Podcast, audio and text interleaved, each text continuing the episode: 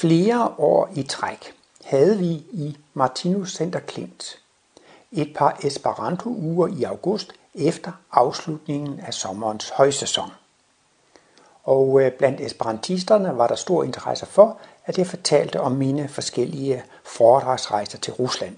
Min første rejse til Rusland var i september 1993, så var jeg der to gange i 1994 og to gange i 1995. På mine fem rejser har jeg alt tilbragt et halvt år i Rusland, og min sidste foredragsrejse afsluttede jeg i øh, maj-juni 1995. Og jeg fortæller jo selvfølgelig meget gerne højt og langt og bredt om, om min rejse. Og jeg sendte jo en del breve hjem, så det kan være, at jeg bare kan kigge lidt ned i dem. Ellers har jeg måske lov til lige at begynde fra starten af igen. Ja, at, det har at der er tit, man drømmer om ting. For eksempel så kan jeg måske i mange år have drømt om, at jeg gerne vil til Japan og holde foredrag. Eller i mange år så drømte jeg om at komme til USA og holde foredrag. Det er jo tit, at sådan nogle drømme, de går i opfyldelse, man går sådan og planlægger det. Men for et år siden, der havde jeg ikke drømt om, at jeg skulle til USA. Nej, til. jo, der drømte jeg om, at jeg skulle til USA, men det kom jeg ikke. Der kom øh, for øvrigt en, en indbydelse til Martinus Institut fra Princeton University vi ville lave et eller andet akademi for Consciousness Studies. Og jeg udfyldte ansøgningsskema og pralede så meget om mig selv, så det sidste tænkte jeg, mig kan de da ikke sige nej til. Men uh, der kom faktisk et nej fra Princeton University. Så der kom jeg ikke over. Men uh, der kom altså et brev til Martinus Institut i juni, og det var skrevet på russisk. Det var der jo ingen på instituttet, der kunne læse. Og så sendte de det til Mogens Jensen, det er en på Sjælland i, i Nordsjælland, som kan. Og han oversatte det, og det viste sig, at det var en dame, det hed Alater Kogan, som spurgte, om instituttet kunne sende en foredragsholder til Moskva. Ja, man kan jo komme og bede om alting. Det er ligesom Torben Kiel, han fortalte, at der var også en bulgarsk esperantist, der skrev et brev til ham og spurgte, om han ikke kunne sende en gramofon. Så jeg mener, folk de kan jo sagtens skrive og bede om, man skal sende eller gøre et eller andet. Og de vidste vel ikke rigtig helt, hvad de skulle gøre i rådet. Men så sendte de det over til Viktor Vorobyov, som er jo er flygtning fra det gamle Sovjet-Rusland, og sendte brev til udtalelse. Og han anbefalede det altså meget varmt projekt. Han siger, man vil aldrig nogensinde få et mere direkte tilbud om samarbejde. Og han kendte altså hende, Alla Terra Kopjan, der inviterede, fordi hun har skrevet forskellige øh, bøger om, om åndelige, især noget, som de kalder for Agni Yoga. Jeg har ikke hørt så meget om det, men det er altså et ægtepar, som hedder Nikolaj og Jelena Rerich. Øh, og det er altså lidt i samme stil med, som Blavatsky, at de får meddelelser fra, fra oven. Men så meget har jeg da forstået af det her øh, Agni Yoga, som de også kalder den lære, eller den levende etik, som hun har skrevet hende i Jelena Rerich, at det er jo Kristus etik. Og det drejer sig meget om udviklingen fra vores nuværende stadium og frem til fuldkommenheden. Og derfor er der mange, der siger, jamen det er jo det samme, som, øh, som kosmologien. Det opdagede jeg også flere gange, når jeg talte om kosmologien. Meget af det, som inspirerer folk i foredragshallen, det er trods alt, når man taler om, at vi er jo halvt dyr og halvt mennesker. Vi må jo lære at tilgive, og vi må lære at forstå vores skæbne osv. Det er jo tit meget inspirerende at høre om, hvordan man skal arbejde med sig selv i hverdagen. Men hvis det er det eneste, man taler om ved et foredrag, i for eksempel Rusland, de ikke ved meget om det, så siger de straks, ja, det er det samme. Det her, det, det er der ikke noget nyt i. Men hvis det er det eneste, man taler om ved et foredrag i for eksempel Rusland, så siger de straks, ja, det er det samme. Det her, det, det er der ikke noget nyt i. Øh, jeg synes jo selv sådan, når man kan tale om noget, hvor man kan forbedre sin moral, når man for eksempel kan tale om det her med Gethsemane have, hvad gør et menneske, når det er sit livs største problem? Ja, det tilgiver sine fjender og, og så videre, og så videre. Det er meget inspirerende, og jeg kan også mærke på folk, at det inspirerer dem det synes Martinus jo også, at i foredragene, der skulle man tale om noget, som kunne give folk lyst til at forbedre sig i deres øh, dagligdags liv. Men det er ligesom om, når man så kommer til Rusland og skal holde foredrag for første gang, at, at så skal man også fortælle lidt om, hvad det indeholder. Og så fandt jeg alligevel ud af, at man kommer ikke udenom at fortælle. Der er noget, der er evigt, og så er der noget, der er timeligt. Og så altså begynder at fortælle om evige og timelige analyser. Og så altså også at fortælle om kontrastprincippet og fortæller om, øh, så kommer jeg jo ind på spiralkredsløbet og livsenhedsprincippet, og det bliver lidt mere, lidt mere teknisk. Men det bliver man øh, alligevel nødt til at øh, forklare, at, at det er et evigt verdensbillede. Og til et af foredragene derovre, Det var Latera Koppen, der havde arrangeret det, og en del kendte sikkert til det her Agni Yoga, så hun sagde, det her Martinus kosmologi, det er det samme som, som Agni Yoga. Og så var der jo en mand, der blev lidt vred bagefter og sagde, det her det er jo slet ikke det samme som Atne Yoga. Så jeg blev jo næsten glad over, at han blev lidt vred, fordi jeg så tænkte, der er der endelig en, der har for, forstået, at der er lidt forskel på det. For det er vel netop det, der trods alt alligevel er meget karakteristisk med Martinus kosmologi. Det er jo de evige analyser, og der er ting, der er evige, ting, der bare er. Og så skal man forklare, hvad, hvordan kan det være muligt at være et evigt væsen, som man kan opleve livet i al evighed. Jeg blev altså inviteret til Moskva der, og jeg så spurgte rådet mig, om jeg ville rejse og det ville jeg da meget gerne.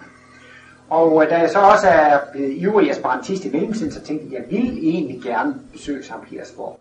Så spurgte jeg til at om hun kendte nogen i, i St. Petersborg, der var interesserede. Og så skrev jeg selv til de fire esperantister, der stod i overbogen. Jeg tror så sent som dagen før jeg skulle rejse til St. Petersborg, da, hun stadig, der faldt alt arrangement i St. Petersborg sammen, og dem, der skulle hente mig, de var der ikke, og det, det kunne slet ikke lade sig arrangere. Og jeg tænkte, nej, jeg dropper St. Petersborg, jeg rejser direkte hjem, fordi at det er helt faldet på gulvet. Og så kom jeg i tanke om, nej, jeg har skrevet til fire esperantister, at jeg kommer med fly den 15. september. Jeg har hvid skjorte på og rødt slips. Så tænkte jeg, det, det kan jo være, at der var nogen der. Og så bestemte jeg mig for at tage til St. Petersborg alligevel, men det var sådan set lidt usikkert. Jeg vidste ikke, om jeg skulle tage en taxa til det nærmeste hotel eller hvordan. Men så var der altså en, en esperantist, der tog imod mig der, og det var Alexander Kogan, og han spurgte så lidt forsigtigt, om jeg ville bo på hotel her eller der, eller, eller jeg måske ville bo hjemme hos ham også, og, og det sagde jeg så, ja tak, det, det ville jeg meget gerne. Så man kan sige, at i første omgang var jeg egentlig kun inviteret til Moskva, og inviteret mig sådan set selv sådan lidt til St. Petersborg. Men det er jo meget almindeligt i Esperanto-kredse, at man bare ringer eller skriver, jeg kommer til jeres by, og så er der altid nogle esperantister, der kommer. Og, og det var vel alligevel min erfaring med min rejse til USA for 10 år siden. Der tænkte jeg, jeg vil til USA og holde foredrag. Og så skrev jeg 220 breve til forskellige grupper, organisationer, universiteter osv. Og ud af de der 220 breve, jeg tror der var 15, der sagde, at de gerne ville høre mig. Jeg skrev jo selvfølgelig, at jeg kommer gratis, og, og det skulle ikke koste dem noget. Og øh, ja, det var jo mig, det var under 10 procent, der svarede, at de var interesserede. Og så købte jeg sådan en rundhusbillet, og så besøgte jeg alle dem, der havde sagt ja tak til det. Men i dag har jeg praktisk talt ingen kontakt med dem.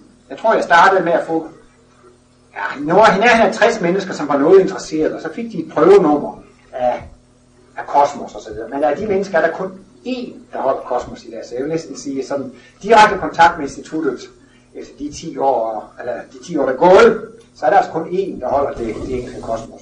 Og det viste også sådan lidt for mig, at det er begrænset, hvor meget man selv kan, øh, kan, kan sætte tingene igen. I hørte også det der Varnhem foredrag i går, hvor Martin også siger, det er jo gå foran guddom. Man kan ikke, man kan ikke med øh, politik forbedre folk. Martinus er også blevet spurgt, om man ikke kunne lave politisk parti og forbedre det, men Martinus har jo forstået, man kan ikke forbedre mennesker med politik, det må jo komme gennem, gennem udvikling og, og, og vækst. Så derfor synes jeg også, det er helt andre forhold at blive inviteret til Rusland, end, end når, man, når man inviterer sig selv. Så det har jeg vel efterhånden også lært, at det er alligevel gunstigst, når man er blevet inviteret og ikke inviterer sig selv. Og det er jo også i alle fald instituttets generelle politik. At instituttet, det står jo i loven og strukturen, at instituttet kan sige ja tak til at sende foredragsholder til forskellige byer. Men instituttet skal ikke selv arrangere foredrag i andre byer og tage initiativer til det. Det skal, det skal sådan komme af sig selv. Og der er, synes jeg, flere ting, der, der er ret interessant ved det russiske, at det kommer af sig selv. Øh, Viktor Bordobilov, han studerede dansk på universitetet i St. Petersborg, og han blev kandidat i 1987, og i 1989 så flygtede han så et år senere 90, så fik han opholdstilladelse i Danmark. Og en måned efter han har fået fuld opholdstilladelse, så ringede han på instituttet i København og spurgte, må jeg have lov til at oversætte nogle af Martinus bøger? Ja, det måtte han da gerne. Det var der ikke nogen, der havde noget imod. Og så oversatte han i hurtig rækkefølge en række bøger med. Og sendte et par manuskripter til instituttet. Jeg tror nok, han blev lidt skuffet i starten, at der skete ikke noget med det. Men man tænkte på instituttet, hvad, hvad, hvad, hvad, hvad skal vi med de her oversættelser? For vi havde absolut ingen kontakter i Rusland. Men man blev så enige om, at man lavede to af de bøger, man fotokopierede dem i 100 eksemplarer, og lavede dem på hylden i kælderen. Og så skete der ikke mere med den. Så det var jo også sådan... Men det var alligevel interessant, at Victor kom selv og spurgte, må jeg have lov at oversætte? Og så kan man så sige, at det næste dag, det var, at der kom et brev, der spurgte, kan I sende en foredragsholder til, til Moskva? Og så tog jeg så derover og, og holdt altså foredrag på engelsk i Moskva, og det blev, blev oversat til russisk. Og i St. Petersborg, så, det var min debut som Esperanto-foredragsholder. Der holdt jeg et foredrag på, på Esperanto og blev oversat til russisk. Det er også interessant, at efter det besøg der, så kom der en forlægger og spurgte, om han, måtte selv have lov, om han havde lov til at trykke bøgerne. Og det har Martinus også altid sagt. Forlæggerne skal komme til os. De skal selv komme. Og vi har jo i tysk afdeling i lang tid, og flere gange er det jo blevet skrevet til et tysk forlag. Vil I ikke udgive bøgerne? Vil I ikke udgive bøgerne? Og Lars Jørgensen og mere, de var jo over på Edgar Casey Center på Virginia Beach og holdt nogle foredrag. Og så fik de fat i en forlagsmand, og så fik de kontakt med Samuel Weiser derovre, og så fik man så overbevist Samuel Weiser om, at han skulle sælge uh, livets bog, The Third Testament. Og han har vel haft det i kataloget i to-tre år, og han fik altså 600 bøger sendt derover. Og i løbet af de tre år har han solgt 200 eksemplarer. Nu har han sagt, nu gider han ikke mere, og nu vil han sende de resterende 400 tilbage. Det er jo alligevel også mærkeligt, at de har været i de store bogkataloger, og det er ikke blevet solgt ret meget mere end 200. Nu gik han jo selv med på det, men man kan jo trods alt sige, at han kom i hvert fald ikke selv til instituttet og bad om, at han måtte have lov til at udgive dem. Men det er alligevel det bedste udgangspunkt. Jeg tror også, at det er ikke nogen guldgruppe at udgive Martinus bøger. Så det er jo sådan set bedre, at folk selv er kommet og bedt om at få lov til det. I stedet for at man overtaler nogen til at gøre det, og så taber de penge på det bagefter. Og øh, ham der, han hedder Michael Jefimov og har et bogforlag, det hedder Hjortsmand. Hjort, jeg tror altså, det er faktisk et engelsk en, en jagt, altså som om man sejler ind. Han har jo altså nu trykt den ideelle føde i 50.000 eksemplarer. Og øh, da jeg var der over, så så jeg altså også de første øh, blokke af Gennem Dødens Port. Den blev også trykt i 50.000 eksemplarer. Og bogen Menneskehedens Skæbne er, er færdigtrykt i juli. Og så havde han ikke fået, gen, så havde han ikke fået bøndens mysterium, men den gav ham ved den lejlighed. Det sagde han også, han gerne ville trykke i 50.000 eksemplarer. Så sagde det, det er jo desværre lidt flere bøger, det, det er måske ikke så profitabelt at udgive de her bøger, men dem vil han også meget gerne udgive. Men der er det jo så, at instituttet kan sige til ham, at han behøver ikke at betale noget forfatterhonorar fra første oplag. Og desuden så er det, ham Mogens Jensen har lavet et læserudskrift. Så altså selve typografien og det, det behøver de heller ikke at lave, så det kan da godt være, at det også er, er, er en fordelagtig affære for ham. Og han kunne jo ikke give bøger ud i kommunisttiden. Og han er så åbenbart en af de første, der fik fat på at udgive de her bøger. Så hans forlag er jo kun 2-3 år gammel. Og han gav ham også som en gave en russisk udgave af en af Edgar Caseys bøger. Så han, altså, han var en af de første, der var ude på det her åndelige område. Han har jo nok fundet ud af, at det alligevel er et, et kæmpemæssigt salg. Så han var altså meget glad og taknemmelig for at kunne udgive Martinus bøger, men han var også, synes jeg, meget venlig og sympatisk, og de havde flere, der hjalp til. Og en af damerne der, hun var lidt skeptisk, Martinus, er det nu sådan noget mysticisme og okkultisme og sådan, det var hun ikke rigtig glad for. Så hun forekom jo også mig at være en fornuftig åndsforsker, siden hun var sådan lidt, lidt skeptisk over til det, der var mystisk og okkult. Så jeg fik sådan set en meget god fornemmelse af det sted. Og øh, så fortalte jeg ham om, at det var lavet en videofilm, og det var han måske ikke sådan så interesseret i at sælge, men så sagde jeg tænkte jo, hvis den film skal vises i russisk fjernsyn, så skal den helst følges op af noget. Og så var det, jeg foreslog ham, må ikke så vi kunne sætte den der, i der rullegardin, den trailer, der kommer i slutningen af filmen, og man ikke kunne skrive, at de russiske bøger kan købes i dit forlag. Jo, det synes han jo selvfølgelig var en god idé. Så nu skal vi prøve at få det kopieret ind, og så vil han eventuelt også ligesom bogen sælge, sælge filmen, men så vil han også straks selv interesseret i og gøre noget aktivt for, at filmen kan blive vist i russisk fjernsyn. Men nu skulle han selvfølgelig også først se filmen, så nu har vi sendt en, en videofilm derover. Og øh, det var selvfølgelig også noget, der kunne have lidt, have lidt øh, effekt. Nu synes vi også, at 50.000 eksemplarer er mange bøger. Men øh, hvis vi er 5 millioner i Danmark, og det er 250 millioner derovre, så er det 50 gange så meget. Det svarer sådan til et bogoplag på 1000 hjem. Lars Østnes mente, at i Sverige er der, er der trygt omkring 50.000 Martinusbøger. Og det er jo interessant, at mange mennesker i Rusland var interesseret i kosmologien, fordi de var søgende. Jeg tror altså, at amerikanere også, jeg har ikke oplevet så stor efterspørgsel i Tyskland, de har det godt. De har ikke så store spørgsmål eller problemer, de er ikke sådan rigtig søgende. Men russerne, de er generelt søgende.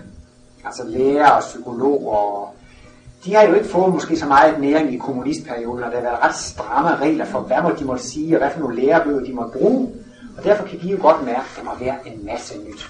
Og de fleste er jo interesseret i, at vi vil have en bedre undervisning, vi vil have en bedre pædagogik, vi vil have en bedre behandling af vores klienter. Så det gælder om at finde noget nyt. Og derfor var de jo altså helt anderledes interesseret i kosmologien. Altså sådan, kan man sige, meget mere bredt interesseret. Øh, og jeg tror måske, Martinus har også nogle gange sagt, at ja, I kan tage det her kosmologi, vi kan bruge, og lade resten ligge.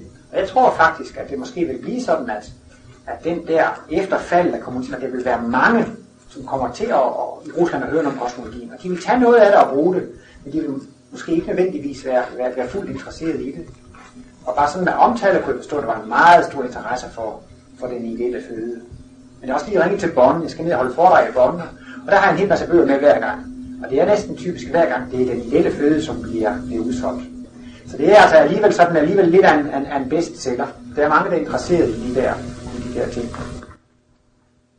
Men det, det var jo meget interessant, at ham esperantisten Alexander Kogan, som tog imod mig, at det viser sig at være en meget human og venlig mand. Han startede jo med at undskylde, at han var vegetar og lavede vegetarisk mad. Nej, men det, det skal han ikke undskylde, det var helt i orden. og han, han lever altså også meget sundt, ikke ryge og ikke alkohol. Og han virker altså til også at blive meget interesseret i kosmologien. Og han har, har jo så altså også i de otte uger, jeg har været derovre, så har han oversat hver eneste foredrag, hver eneste spørgetime, så han kom helt godt ind i det. Til en spørgetime, så, så spurgte han, må jeg have lov at svare? Jeg kender svaret. Fordi at tit så spørger de det samme, og jeg siger det samme, og det må han jo, jo, jo, jo hjertens gerne. Så han begyndte jo også at komme, komme helt godt ind i det. Øhm, jeg var i St. Petersborg i 8 uger, og øhm, jeg har måske ikke nødvendigvis behøvet at være der så lang tid. Altså man kan sige, der til Moskva, der blev man inviteret. Og den her gang var jeg derovre i tre måneder. Og altså, jeg havde virkelig indtryk af, at de var glade for, at jeg kom, og jeg var meget velkommen. Men øh, i den størrelsesorden, det var jo alligevel lidt af min egen idé, at jeg gerne ville over i, i tre måneder. Og det, det startede med, at, øh, at øh, Anders Brindgaard, han sagde, at han kendte nogen nede i Bonn, og han spurgte mig, Trold, var det ikke en god idé for dig at komme ned til Tyskland og studere noget tysk, sagde han sommeren 88. Så snakkede han med øh, dit barnebarn Birgitta, og hun havde en veninde, der hed fra Schweiz, og hun var lige lidt færdig med sin eksamen i Bonn og skulle hjem og arbejde i Schweiz, og hun havde et værelse stående, der var tomt nede i Tyskland, så der kunne jeg bo et halvt år. Og så tog jeg til Bonn i foråret 89 for at lære tysk og for at kunne holde foredrag på tysk. Og der arbejdede jeg jo så det der halvår. Jeg, jeg kunne kun læse tysk nede i Bonn, og så i slutningen af mit ophold der, der fik jeg også lært så meget tysk, så jeg kunne, kunne hanke mig igennem mit foredrag. Jeg kan føle sige, så et halvt, halvt år senere, efter jeg holdt op med at, et halvt år efter, jeg begyndte at holde foredrag i Tyskland, så faldt der lige på. Så man må nok sige, at... Øh, ja, og efter min foredrag i september i Moskva, der var det kun to uger, inden det gamle kommunistiske parlament i det hvide hus faldt. Altså så kørte de jo frem med kanoner og det gamle kommunistiske. Så nu går jeg også uh, lidt spændt på, hvad, hvad, hvad der nu sker efter det her. Og øh, nu sidder Lars Forsman også på Karls, fra Karlskoga Højskole, så tænkte jeg også en gang, men nå, hvor skal jeg nu bo? Nå ja, men nu er der jo kursus i Karlskoga, så kan jeg måske bo der et par måneder. og så tænkte jeg, jamen, hvis de er interesseret i kosmologien i Rusland, nå, jamen, så kunne jeg måske bo der en, en, en tre måneder. Og sådan går min, øh, min tid jo altså lidt. Så kommer jeg sådan lidt rundt. Så det er jo faktisk også sådan en fordel ved at være nomade. Men jeg gjorde det faktisk også, fordi jeg gerne ville lære russisk. Altså, jeg har også lige fået to breve, og det ene her, det er fra Moldavien. Det er den der øh, republik, der ligger op af Rumænien. De taler vist rumænsk, og har snakket lidt om, at de ville, at, at Moldavien skulle slutte sammen med Rumænien. Det er skrevet på russisk, og her også, jeg kan se på postnummer, så jeg kender et by et eller andet sted i Sibirien.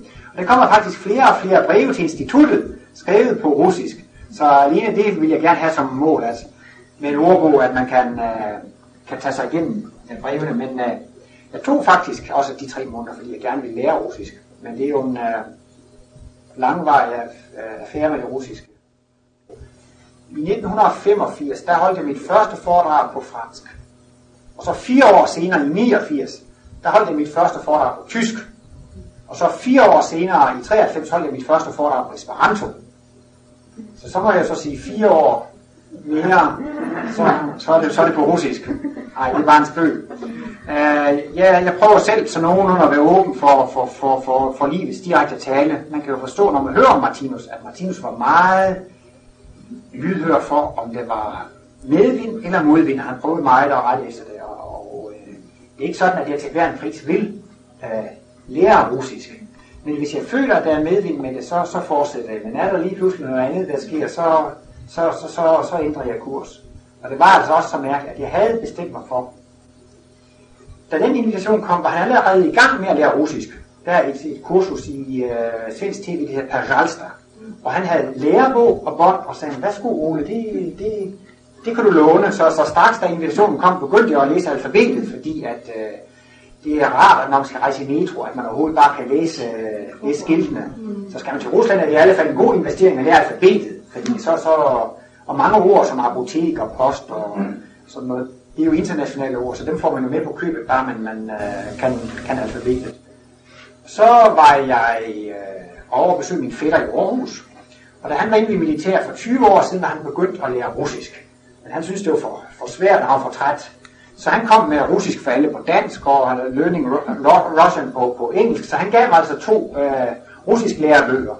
Og så var jeg inde på Martinus Institut, der var så Kirsten Alstrup, og hun var gået på kursus sammen med dig. Og jamen, hun havde også Trojka 1, og det var med bånd, og, og hun gav mig den, den, den lærebog.